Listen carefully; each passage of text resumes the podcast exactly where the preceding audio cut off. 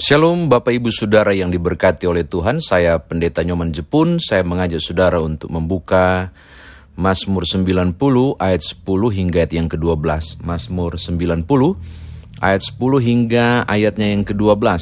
Sebelumnya mari berdoa. Bapa Surgawi, firman Tuhan akan kami dengarkan, tolonglah kami agar boleh memahami kekayaan firman Tuhan ini, lalu kemudian mengerjakannya. Terpujilah namamu demi Tuhan Yesus Juru Selamat kami berdoa. Amin. Mazmur 90 ayat 10 hingga ayatnya yang ke-12, Mazmur 90 ayat 10 hingga ayat yang ke-12.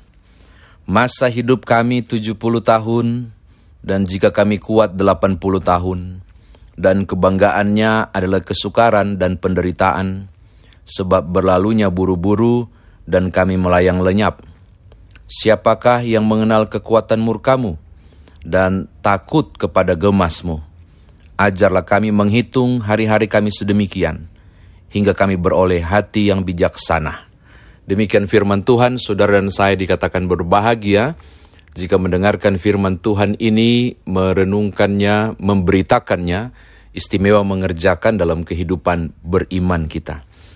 Berapa sering saudara membaca Mazmur 90 secara khusus ayat yang ke-10 tentang masa hidup kami 70 tahun dan juga kami kuat 80 tahun dan seterusnya.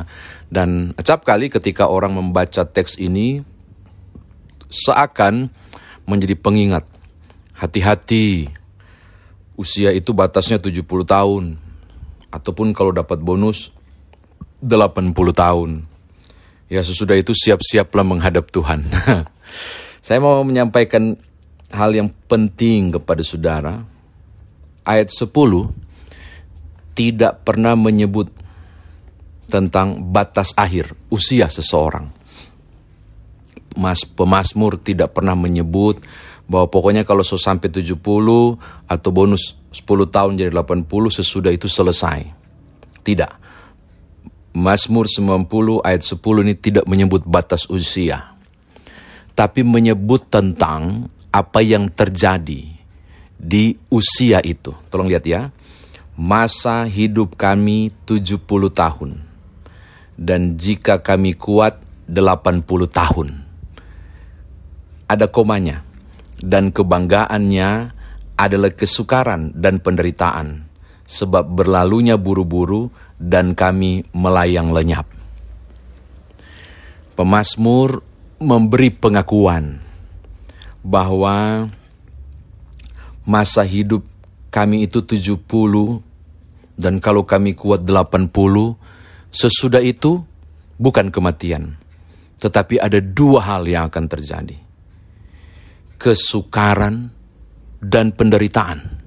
Hal pertama kesukaran dan penderitaan. Perhatikan baik-baik bahwa pemazmur menyebut penyataan yang luar biasa yang tidak dapat dihindari ketika seseorang diizinkan Tuhan memasuki usia lanjut.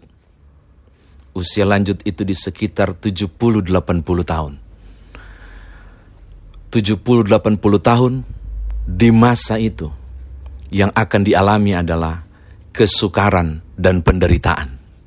Gitu. Bukan meninggal, bukan. Di 70 tahun dan 80 tahun itu akan mudah terserang sakit misalnya daya tahan tubuh tidak sekuat orang muda. Mungkin juga mulai pikun. Mungkin juga kondisi metabolisme tubuh tidak lagi sestabil dan semampu waktu masih usia muda. Uh, sel-sel membaharui dirinya tidak sehebat kemampuan sel-sel pada usia muda tubuh. Sehingga yang terjadi pada 70 dan 80 tahun adalah kesukaran dan penderitaan. Barangkali mulai susah jalan, atau susah bangun cepat ketika tidur misalnya untuk langsung duduk agak kesulitan. Atau kesukaran demi kesukaran lain akan dialami. Perhatikan baik-baik, tidak terelakkan. Berkat usia lanjut juga disertai dengan konsekuensi logis kondisi fisik. Yaitu kelemahan tubuh, ketidaknyamanan, yang membawa kesukaran dan penderitaan. ketika memasuki usia lanjut. Ini hal pertama yang dialami. Hal yang kedua lihat, sebab berlalunya buru-buru dan kami melayang lenyap. Itu dia. Akibat tubuh yang lemah, akibat kesukaran, akibat penderitaan yang akan dialami di usia lanjut misalnya. Mata menjadi rabun, jantung udah nggak sehat lagi misalnya. Atau hal-hal yang lain pada ujung akhir nanti kesehatan akan menurun gratis. Lalu masuk pada hal kedua yang dialami. Berlalunya buru-buru dan kami melayang lenyap. Kapan itu pemasmur nggak bilang. Kapan itu terjadi di usia mana melayang lenyap? Pemasmur nggak bilang. Tapi tandanya cukup kuat. Di usia 70 dan 80 tahun. Kesukaran, kesakitan, penyakitlah, dan berbagai hal yang lain dalam kelemahan tubuh secara fisik juga dialami. Dialami. Dan inilah yang ter, terukur nyata yang bisa dilihat. Makanya jangan pernah menyebut, oh hati-hati, so sampai 80 tahun sudah menghadap Tuhan. Belum, tidak ada teks yang menyebut hal itu. Tidak ada. Ini hal yang pertama.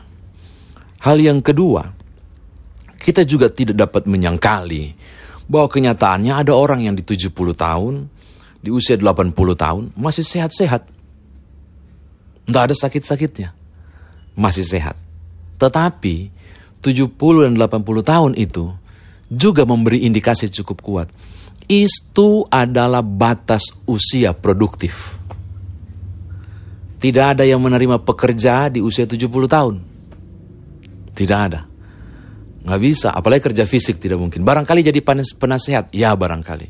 Tetapi yang saya mau katakan adalah kemampuan maksimal untuk produktif itu di kurun waktu 70 sampai 80 tahun barangkali. Itu juga bisa bermakna. Karena itu, apa yang mesti dilakukan? Lihat ayat yang ke-12.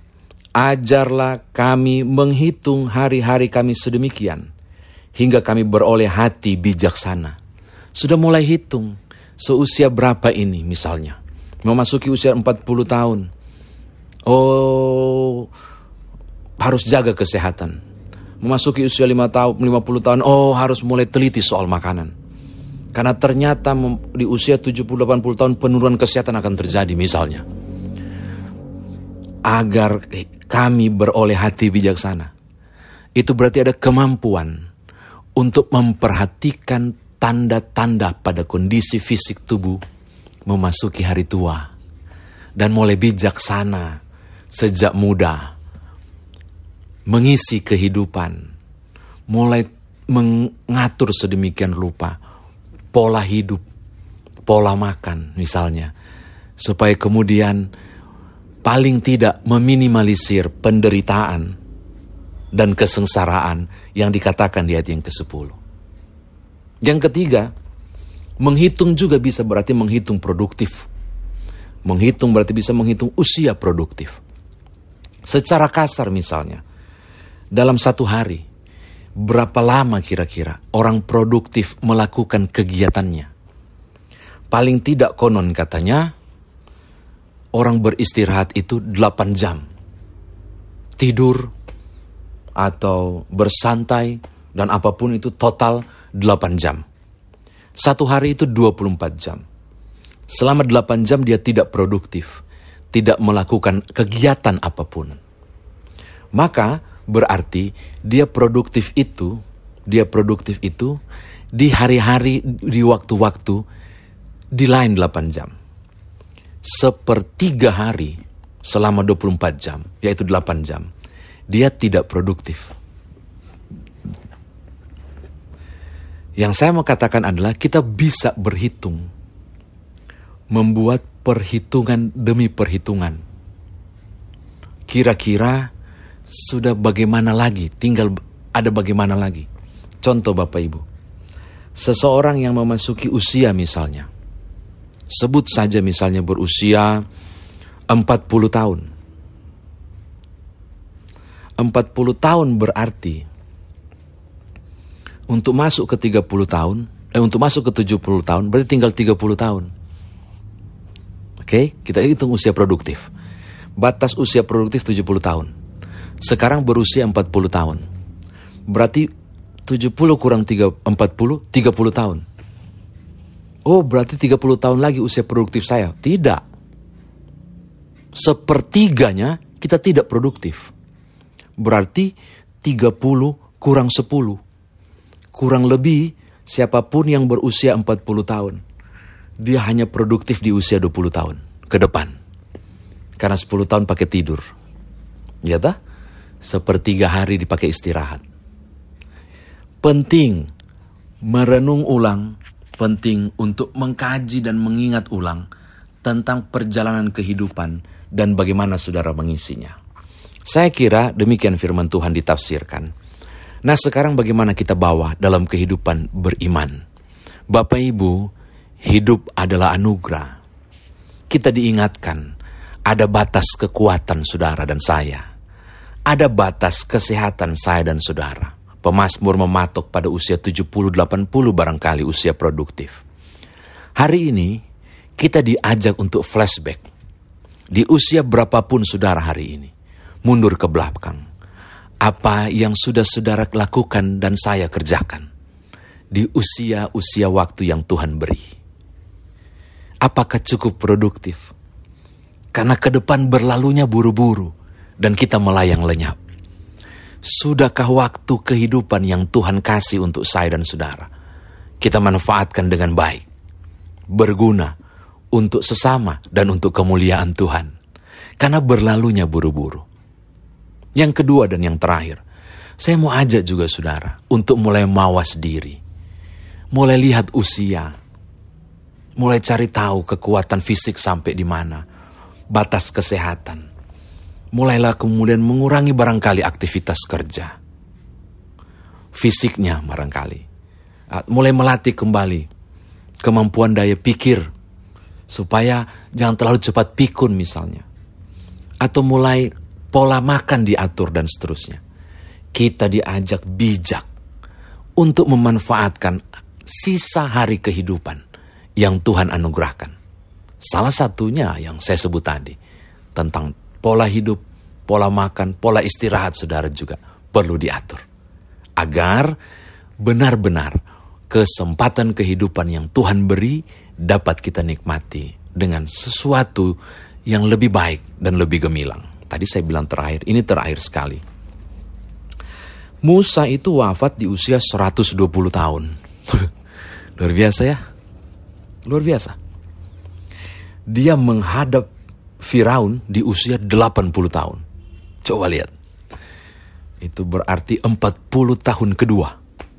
Dia di usia 80 tahun. Dan dia masih produktif. saya mau tutup. Walaupun tadi saya bilang barangkali sudah nggak produktif di usia 70-80 tahun. Saya mau bilang, mau saya kasih tahu saudara. Terutama Bapak Ibu Saudara barangkali yang memasuki usia lanjut. Yang menentukan saudara produktif atau tidak mungkin diutur, diukur melalui berbagai aturan dan regulasi tenaga kerja barangkali. Di usia 70 sampai 80 tahun sudah nggak bisa. Tapi saya mau kasih tahu saudara. Tuhan memanggil Musa di usia lanjut. Dan dia berkarya hingga 40 tahun ketiga. Dan wafat di usia 120 tahun. Maka saya mau katakan, mau tutup firman Tuhan ini usia lanjut sekalipun, bukan berarti saudara tidak produktif. Eh, benar. Apa pun yang bisa Bapak Ibu kerjakan dan lakukan, kerjakanlah. Apalagi untuk panggilan pelayanan. Apalagi untuk memuliakan nama Tuhan. Selagi masih bisa bekerja, melayani, mengerjakan tanggung jawab kehidupan saudara. Tetaplah produktif. Tidak peduli usia mana pun supaya andai kata saya dan saudara tiba waktu berlalu buru-buru dan kami melayang lenyap. Saudara tersenyum sebagaimana Paulus bilang di 2 Timotius 4. Aku telah mengakhiri pertandingan dengan baik. Ya, mengapa? Karena saudara dan saya benar-benar mampu untuk beroleh hati dan bijaksana menghitung hari-hari kehidupan yang Tuhan masih anugerahkan. Selamat mengisi hari kehidupan saudara. Tuhan berkati. Amin.